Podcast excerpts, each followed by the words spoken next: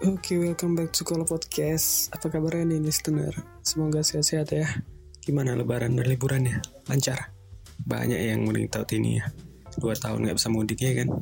Oh iya, gue mewakili seluruh kerabat koala mengucapkan minal aidin wal faizin, mohon maaf lahir dan batin. Selamat merayakan Idul Fitri bagi yang merayakan. Yang kerja udah pada masuk ya kan, sama kita juga. Makanya belum ada recording lagi nih.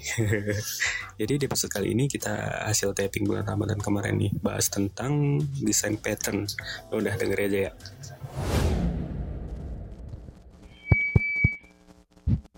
Cek cek. Woi, udah mulai.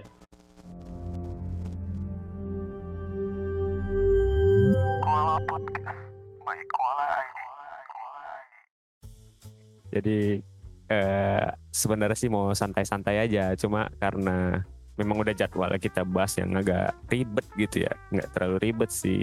Kali ini eh, kita mau bahas tentang desain pattern. Ini udah ada sama kita eh, Mufti Rianda ya. Ya, halo. Jadi Mufti ini ya orang baru lah gitu di Koala gitu ya. Boleh perkenalkan diri mungkin. Oh, oke. Saya Mufti Rianda. Eh, sekarang itu lagi aktif kuliah ya. Benar nggak kuliah ya. Aktif juga udah semester terakhir, semester 8. Dan ya benar kayak dibilang dibilang kalau saya itu sebelumnya baru juga join di sini gitu. Mungkin itu aja sih perkenalan. Kuliah kuliah jurusan apa, Bu? Eh, saya jurusan fisika. Fisika. Ya benar benar. Teknik fisika. Eh, enggak sih, itu emang lagi sering dibicarain ya di TikTok. Oh iya, lagi di, sering dibicarain gitu. ya kayak yang prospek kerja teknik fisika itu gimana gimana. Saya juga kurang tahu teknisnya gimana. Kalau saya fisika murni gitu sih bang. Oh, murni ya. Iya. heeh. Jadi nanti eh, gelarnya apa tuh? Kalau saya kan saintek, jadi gelarnya nanti tuh SSI jadinya. Oh, SSI ya. Iya benar. Terus kok bisa tertarik gitu sama programming? Sebenarnya kalau dibilang tertarik itu uh, dari dulu ya dari SMA, cuman nggak ya nekunin kali tertarik karena bisnis uh, pas bisnis itu ada kebetulan kebutuhan programming gitu. Nah dulu kan lagi zaman zamannya nih buat website tuh wah keren banget. Nah di situ Hmm. saya mulai tertarik tuh. Situ kayak awal-awal buat landing page, single portfolio gitulah, ngulik-ngulik HTML. Nah akhirnya masuk jurusan fisika, ketemu fisika instrumentasi, ada belajar tentang microcontroller dan ya akhirnya gitu ujung-ujungnya ke pemrograman juga dan syukurnya ya enak sih dijalanin gitu Oh, enak ya? Iya. Baru kali nih denger ada orang bilang programming itu enak. Oh. Sumpah baru kali ini. Jadi itu dulu eh, bisnis kayak mana? Eh, mata kuliah atau apa? ah dulu tuh di SMA kan lagi Oh, zaman di SMA. iya bener bang zaman zamannya Oh. kayak panel-panel sosial media gitulah kalau tahu tuh kayak panel Hmm. Instagram yang bisa nambahin followers gitu-gitu Oh, nah Terus- itu dulu dijual orang gitu dari situ belajar-belajar gitu ya buat buat landing page gitu-gitu. ya bener Terus di kuliah tadi ada belajar microcontroller juga. Iya, Itu- sebenarnya peminatan gimana? Itu bukannya elektro gitu. Nah, sebenarnya peminatan fisika ini ada dua ya kalau di kampus kami, instrumentasi sama material. Nah, sebenarnya instrumentasi ini lebih cenderung ke elektro. Nah, tapi kalau elektro itu dia lebih cenderung ya ini correct me if I'm wrong gitu. Kalau Yap. di elektro itu mereka lebih fokusnya ke bahan dasar sama pemrogramannya. Cuman kalau kami itu bahkan kami menghitung rumus yang ada gitu kayak pemrograman itu ada namanya pulse width modulation gitu. Mm. Pulse width modulation tuh simpelnya kayak kalau misalnya ada tegangan segini si program ngapain? Nah, itu nggak dihitung sama mereka yang elektro. gitu. Oh. Nah, kami ngitung gitu. Iya iya itu kayak eh, ada pernah juga belajar kayak gitu itu pakai apa namanya Arduino ya Arduino Yep. terus juga ada ngitung-ngitung gitu juga di tegangan sekian Nah, eh, bener. programnya ngapain gitu ya bener. sementara aku yang anak elektro sendiri nggak pernah belajar itu gitu Oh. cuma oh gitu. iya cuma dapat mata kuliah disuruh buat ya udah dibuat gitu tanpa dipelajarin Oh. maksudnya nggak ada dilempar di materi pembelajaran Oh. Cuma di projectnya ada disuruh buat gitu. Nah, iya. Oke lah kita balik ke eh, pemrograman nih ya. Boleh. Sebenarnya desain pattern itu apa mu? Nah, kalau bicara tentang desain pattern itu kan pasti kalau di kita nih ya kalau yang rajin aja ngeliat job portal tuh pasti banyak requirement di situ harus mengerti desain pattern atau kayak kita join aja ke Discord Discord pemrograman itu pasti Hmm. banyak yang ngomongin tentang desain pattern kan. Nah, Hmm. sebenarnya desain pattern itu apa pertanyaannya tadi? Sebenarnya desain pattern itu bukan codingan gitu. Desain pattern Hmm. itu sebenarnya kayak cara berpikir kita atau solusi berpikir untuk membuat suatu project gitu. Jadi, oh jadi itu lebih ke kayak mana ya? Eh, teori dari si si programmer ya? nah benar. Jadi desain pattern itu kayak teori si pemrogram teori dari si programmernya. Jadi dia itu konsep sebelum Ah. kita nge-coding sesuatu gitu. Jadi kita nggak bisa nge-translate desain pattern itu jadi coding. Sebenarnya dia itu Hmm. kalau bahasanya itu blueprint. Blueprint itu kan Blueprint ya? cetakan. Ah. Ya, benar. Heeh. Jadi kalau dibilang bagan gitu nggak bisa juga ya? Bagan nggak bisa karena dia itu konsep awal sebelum ngebuat sesuatu gitu. Oh Jadi malah kalau- konsep awal ya? Iya, jadi kalau kita analogikan kalau yang orang-orang yang sering make Docker nih atau kontainer gitu kan Ah, familiar sama yang namanya Docker file itu misalnya pertama kita harus ngeran apa, terus nge-update apa, nge-install apa. Nah, sama juga kayak si desain pattern itu kayak gitu. Kita pertama harus nge kalau dalam membangun sistem tuh kita harus ngebuat apa, apa yang harus dibangun terlebih dahulu. Itulah kayak konsep gitu. Oh, kalau misalnya ini ya eh, kan selama ini yang kita pelajari gitu ya framework gitu ya. Mhm. Nah terus yang mau gue tanya itu kan ini bisa dibilang teori dari si pemrogramer ya, si programmernya nih desain pattern ya. Ya benar. Heeh. Bedanya sama framework apa? Kalau framework kan kayak strukturnya ya. Yep. Nah Oh. itu perbedaannya gimana maksudnya? Nah jadi gini, kadang nggak keliru juga sih. Kadang kita nganggap kayak arsitektur pattern itu mirip kayak desain pattern. Memang kayak sebagian tuh kita udah familiar lah sama yang namanya model view controller. Iya. Kalau framework itu kita ngomongin yang paling umum lah, yang paling udah sering dipakai orang Hmm. dan populer gitu, Laravel kan. Yo. Nah, Laravel itu udah udah udah make yang namanya arsitektur pattern MVC kan, model view Hmm, controller. hmm, nah, itu arsitektur pattern. Nah, beda lagi sama desain patternnya. Desain pattern Laravel ini apa? Nah, simpelnya itu kayak dependency injection-nya, Ah. contoh dari penggunaan dependency injection-nya. Kalau kita udah login pakai Hmm. session regenerate di Laravel ya, Laravel 8 atau 9 gitu. Nanti kita kalau mau ngedam dari info si usernya, kita Hmm. bisa ngambil nih, bisa ngambil dari uh, variabel dari variabel atau class out. Oke, bantuan Oh. dependensinya si Laravel. Nah, itulah dia bedanya gitu. Oh jadi kayak misalnya si Laravel ini kayak nyimpen dam dari infonya si user gitu ya? Nah, bener kayak gitu. Kayak Jadi dia tuh- berarti? Mm-mm, jadi dia tuh kayak blueprint gitu yang Hmm. kayak saya deskripsiin sebelumnya gitu.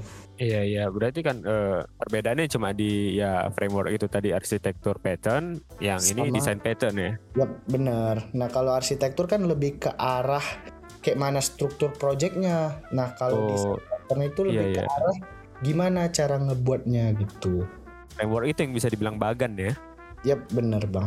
Terus fungsinya kan tadi udah dijabarin lah mungkin untuk Mm, mm, itulah ya secara umum. Mm, mm. Kalau misalnya ada nggak misalnya fungsi lain selain itu? Oh, ada.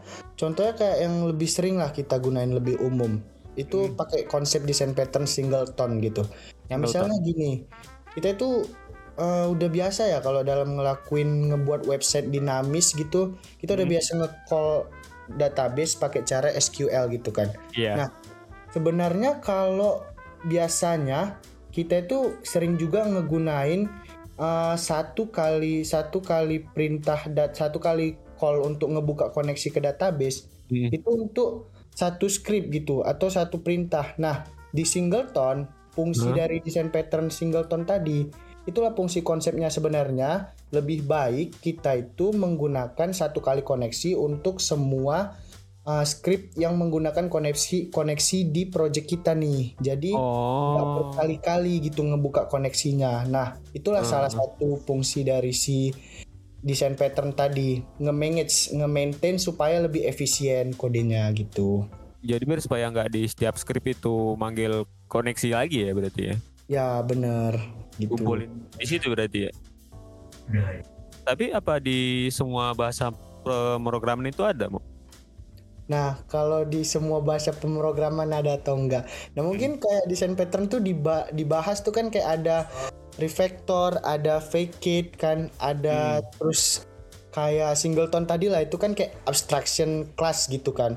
Iya. Nah, itu kan lebih familiar ke kayak pemrograman yang object oriented ya kayak Java, Scala atau JavaScript lah gitu-gitu. Hmm. Nah, pertanyaannya kan apa di semua pemrograman ada. Nah, menariknya kayak bahasa yang baru populer sekarang ini Golang. Golang tuh kan functional programming. Dia tuh nggak punya kelas, dia nggak punya objek. dia cuman function gitu. Nah, Yoi. itu sebenarnya dia ada. Dia pakai yang namanya dependency. Contoh penggunaannya itu dependency injection. Jadi dia nggak nyimpan di dalam kelas, tapi dia nyimpan di dalam di dalam si in- da- di dalam si functionnya. Hmm. Nah, kalau kita lihat lagi di Golang itu dia misalnya dia punya kontrak nih kon- konteks atau market transaksional database gitu. Nah itu Hmm. salah satunya kita udah gunain data uh, namanya dependency injection dari si design pattern tadi dari konsep design pattern. Jadi kalau saya jawab nih sepengetahuan saya sekarang Mm-mm. uh, di semua bahasa pemrograman yang saya kuasai itu dia ada bisa diterapin design pattern. Oh berarti ya selama yang mau kita tahu di semua bahasa pemrograman tuh ada gitu ya. Ya benar, karena kan dia itu cuman konsep ya solusi pen- pem- solusi penyelesaian masalah. Dia itu blueprint, jadi dia itu bukan berupa kode gitu. Jadi konsep tuh di bahasa pemrograman apa pun bisa kita terapin gitu. Lebih kayak cara, cara berpikir tadi ya balik lagi ke awal ya. Iya cara benar. berpikir si programmernya ya. Iya benar gitu bang. Terus ini eh, sejak sejak kapan ini ada Mub? Maksudnya kayak apa dulu orang-orang di forum gitu ya kita bilang ya. Itu udah make eh, konsep desain pattern ini untuk menyamakan menyamakan programmingnya itu. Nah kalau bicara tentang history design pattern ini kan, Hmm. uh, sebenarnya ada artikel yang sering dijadiin referensi itu di refactoring.guru. Nah di Hmm. sini ada buku namanya yang Big Four itu yang nemuin si desain patternnya. Nah kalau sejak kapan itu di menurut referensinya itu dia sejak tahun 1994 gitu. Nah cuman kalau sejak kapan kita implementasiin gitu kayak Hmm. programmer-programmer di Indonesia gitu implementasiin saya juga kurang tahu gitu. Nah cuman kalau berdasarkan referensi yang sering dipakai itu sejak 1994 sih ditemuin dari si Big Four ini. Berarti udah udah cukup lama gitu ya. Iya, udah sampai sekarang walaupun lama itu masih berpengaruh banget gitu desain pattern. Bahkan masuk Betul. requirement ke pekerjaan kan di mana-mana gitu. Iya iya. Kayak mau rekrut orang itu harus ada syaratnya ya harus bisa desain pattern ini gitu ya. Nah, gitu. Terus itu awalnya kenapa dibuat? Nah, sebenarnya kenapa desain pattern ini dibuat? Idenya simple aja sih. Kita itu kan punya banyak pemikiran nih. Oh iya. Kalau mau ngebuat sesuatu itu kan si A punya pemikiran sendiri, si B Hmm. punya pemikiran sendiri, si C juga punya pemikiran sendiri gitu. Mm-mm. Nah, fungsinya desain pattern. Jadi kan programmer yang awalnya punya idealisme sendiri-sendiri Mm-mm. itu disatuin gitu melalui desain pattern. Jadi desain pattern ini sudah punya dia udah ada blueprintnya.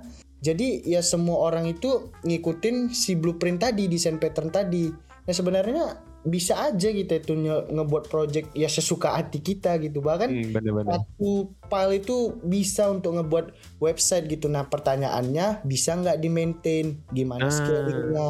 Nah Ya, itu ya. tadi dia. Biar lebih secara umum orang bisa maintain itu gitu ya. Nggak cuma si pembuat aja yang bisa ya. Ya bener gitu. Oh jadi fungsinya itu ya supaya orang juga bisa mengembangkan apa yang udah kita buat gitu. Nah bener gitu. Terus ini ada satu pertanyaan di otak aku muncul tiba-tiba gara-gara yang barusan kita bahas ini. Iya, itu apakah misalnya nih kita buat buat satu program lah misalnya kan. Mm, mm, mm. Terus kita rilis nih, kita rilis. Ya. Itu konsep desain pattern yang udah kita buat apakah semua orang udah bakal ngerti atau mesti eh, aks kita dulu nanya kita dulu gitu. Nah, menariknya desain pattern ini dia konsep umum gitu. Jadi bukan kita yang nentuin pemikirannya. Jadi udah ada kayak template awalnya lah gitu. Kayak misalnya kita pakai framework lah. Kita pakai Laravel. Kita nggak usah ngejelasin ke orang lagi ini tuh apa, ini tuh apa karena udah ada well documented di Laravelnya. Nah, yang kita ubah di Laravel itu apa? Yang kita ubah di Laravel itu kayak timelinenya gimana. Nah, desain pattern juga kayak gitu. Udah ada blueprint yang kita ubah apa? Ya misalnya penamaan variabel atau eh, kayak struktural itu balik lagi ke nanti ke arsitektural patternnya gitu. Oh. Nah, jadi orang nggak bakalan nanya lagi gitu karena simpelnya desain pattern itu konsep yang udah dibuat dan kita tinggal gunain gitu. Oh, oke oke oke. Berarti ya udah oke, udah udah paham gitu sekarang ya. Eh, berarti sama kayak framework juga. Kalau misalnya dibilang berarti kan setiap orang lihat gitu orang udah pasti paham ya kan. Iya, Sama benar. kayak framework. Orang lihat aja strukturnya udah tahu kalau ini itu Laravel sekian gitu kan. Iya Berarti masalahnya tinggal di penambahan fungsi di misalnya ada yang pakai kelas tambahan kelas gitu ya. Iya benar-benar gitu. Hmm, berarti kan ini ya, konsep secara umum ya semua orang udah bakal ngerti bagi yang mengerti gitu. Heeh, karena dia kan udah bentuknya cetakan gitu blueprint. Jadi konsepnya ya mau di programmer mana pun ya tetap gitu. Bedanya ya isinya aja gitu. Terus Mub, eh, ini udah berarti udah sekitar berapa tahun ya? 5 atau enam tahun ya di programmingnya? Ya sekitar segitu. Cuman kalau menekuninya itu baru sekitar dua tahun lah. Maksudnya yang kayak serius gitu bener-bener Hmm, mendalamin ya. Itu selama kita bilang lah tiga tahun lah ini ya mendalamin ya dua tahun tiga Iya. tahun ya. Ya dua tahun tiga tahun. Yang dikuasai sampai sekarang eh, kons- ini konsep desain pattern ini ada banyak ya. Yang dikuasai sampai sekarang tuh apa aja? Kalau dibilang konsep desain pattern yang dikuasai sebenarnya banyak ya. Mm-mm. Uh, kayak fake it, refactoring method, terus ada yang namanya dependency injection, ada singleton yang pertama saya deskripsiin. Hmm. Yang paling sering itu ya kayak dependency injection sih. Sebenarnya kayak singleton itu masuk ke dependency injection juga nanti ujung-ujungnya gitu. Kalau dari si desain patternnya. Heeh. Yang paling umum berarti ya ya dependency injection Mm-mm. tadi sama singleton ya. Iya, Yang mana fungsinya ya untuk itu tadi buat dami dam data itu sama untuk manggil akses tadi ya supaya nggak ribet ya. Ya supaya ya uh, fungsi fungsi awal fungsi salah satu fungsinya ya gitu kayak nge-call database tuh nggak harus berkali-kali jadi kayak satu kali buka koneksi udah dipakai udah bisa dipakai sama sama semua kelas atau bisa dipakai sama semua Hmm. function gitu jadi kita nggak perlu gitu ngeset atau ngepang nge-call database-nya ngebuka koneksi dua kali gitu Hmm, ya benar-benar. Eh, ini ada kayak pertanyaan selingan ini ya. iya boleh boleh Kenapa eh, bisa tiba-tiba eh, dulu dulu SMA kan? Iya SMA SMA ke fisika gitu kan. iya Selain karena iseng-iseng nih gara-gara bisnis tadi, kenapa bisa tertarik dan mendalamin gitu di dunia pemrograman ini? Oh, kalau dari awal dulu ya, selain bisnis gitu kan, Mm, itu kan kayak orang ngira programming itu kayak hacker-hacker gitu kan, itu Hmm. kayak keren lah. Keren Kayak ya? bocah-bocahnya dulu itu mikir, wah keren banget nih. Kayak adik saya aja mikir tuh kayak ngehack itu kayak keren banget gitu. Iya iya. Jadi itulah, jadi saya mikir awal programming itu sama kayak hacking gitu. Nah ternyata setelah didalami itu beda gitu. Jadi itulah awalnya kayak ya yang namanya teknologi itu kalau bagi sebagian orang tuh kayak menarik aja gitu. Iya Nah, sih. Itu sih. Tapi selama ini ya selama mendalamin gitu ya, Hmm, ada nggak ngerasa kayak loh kok kayak gini? Padahal dulu awalnya nggak nggak kayak gini gitu. Maksudnya Iya. men- waktu ketika mendapatkan kesulitan gitu atau lagi stuck gitu gitu. Iya bener, apalagi kayak lagi transisi teknologi kan. Kayak Ah. awal bahasa pemrograman nggak semua sih, cuman rata-rata kalau awal-awal orang yang biasanya nih kalau di survei nih orang yang dari kuliah atau akademiknya kita bilang Iya. akademiknya non non IT gitu kan. Belajar Hmm. programming nih. Biasanya awal-awal PHP dulu. Nah Iya. kalau yang IT itu biasanya awal-awal C sharp gitu kan. Nah kalau Iya. pertanyaannya tadi kok aneh? Ya aneh gitu. Misalnya kan saya awalnya tuh non non IT nih. Belajar Hmm. PHP PHP belum ada OOP-nya sama sekali. Tapi udah bisa buat aplikasi gitu kan. Karena nggak Waduh. OOP Iya iya iya. tiba-tiba tiba-tiba requirement-nya udah berubah gitu. Harus nge- harus ngerti framework nah tiba-tiba Hmm. dari yang nggak pernah ngeimplementasiin OOP tiba-tiba udah nge udah belajar Disebut tentang gitu ya? OOP aja gitu apa ini kelas apa ini function waduh itu aneh banget gitu belum ada lagi rasa- kan- gimana Rasa menyesal nggak waktu belajar? Kayak aduh udah kejebles nih gitu. Awalnya iya sih kalau kalau menyesal belajar itu enggak cuman kayak Enggak ya? insecure gitu ngelihat wah orang udah bisa gini Hmm. orang udah bisa gini itu di di umur segini itu udah bisa ngodingnya apa aja gitu itu Hmm. itu pernah sih sering malahan Pernah dapet ini nggak pertanyaan-pertanyaan kayak bisa ngehack nggak? bisa bisa de- detek HP aku yang hilang nggak? Akun aku yang hilang nggak gitu? Pernah? itu emang pertanyaan random yang enggak bisa ngehack bisa ngehack Facebook gak atau bisa ngehack Instagram gak Hmm. bisa ngehapus Instagram yang lama nggak itu sering sih dapetnya Sering ya? jawabnya juga bingung gimana gitu Terus selama ini jawabnya gimana coba? Nah biasanya kalau ngejawab kayak gitu bilangnya oh ya nanti dicoba gitu. Nah, Habis itu ngilang aja gitu. Ya karena random random banget gitu pertanyaan. Ya kayak semua orang di IT pasti ngalamin hal itu gitu ya. Nah itu bener-bener. Oke lah, Eh, ini ada satu lagi nih. Eh, sebelum kita Ya. tutup, Iya, eh, ada nggak saran dari Mufti untuk orang yang pengen pengen banget belajar eh, supaya bisa kayak mana ya? Kayak Mufti gitu Hmm. bisa kalau lihat programnya, wah udah ngerti nih, berarti udah hafal desain pattern ini apa yang dipakai, apa yang Hmm. dipakai gitu-gitu. Kasih saran lah dikit.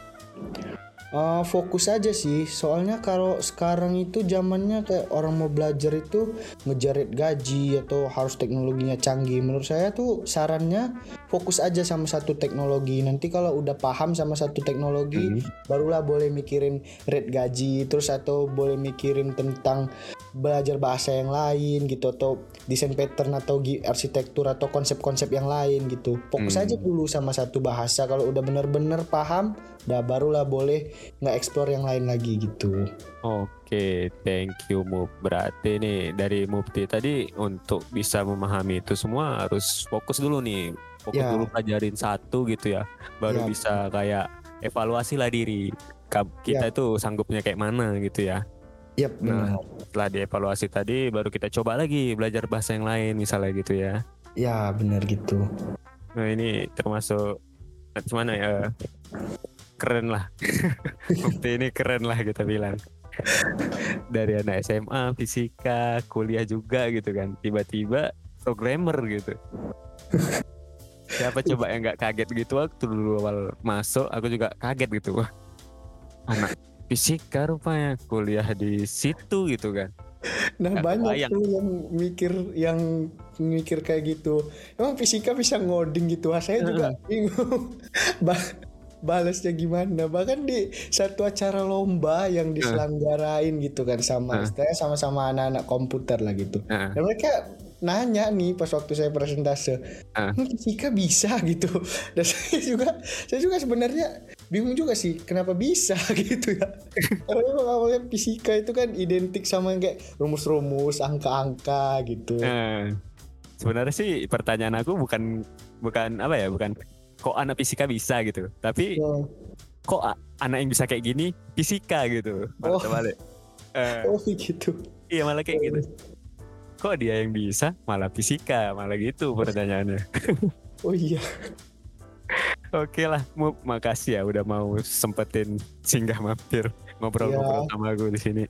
Makasih juga udah diundang Eh, sama-sama. Thank you juga buat listener yang masih dengerin kita sampai sekarang. Mungkin eh, Tungguin terus episode-episode terbaru dari kita.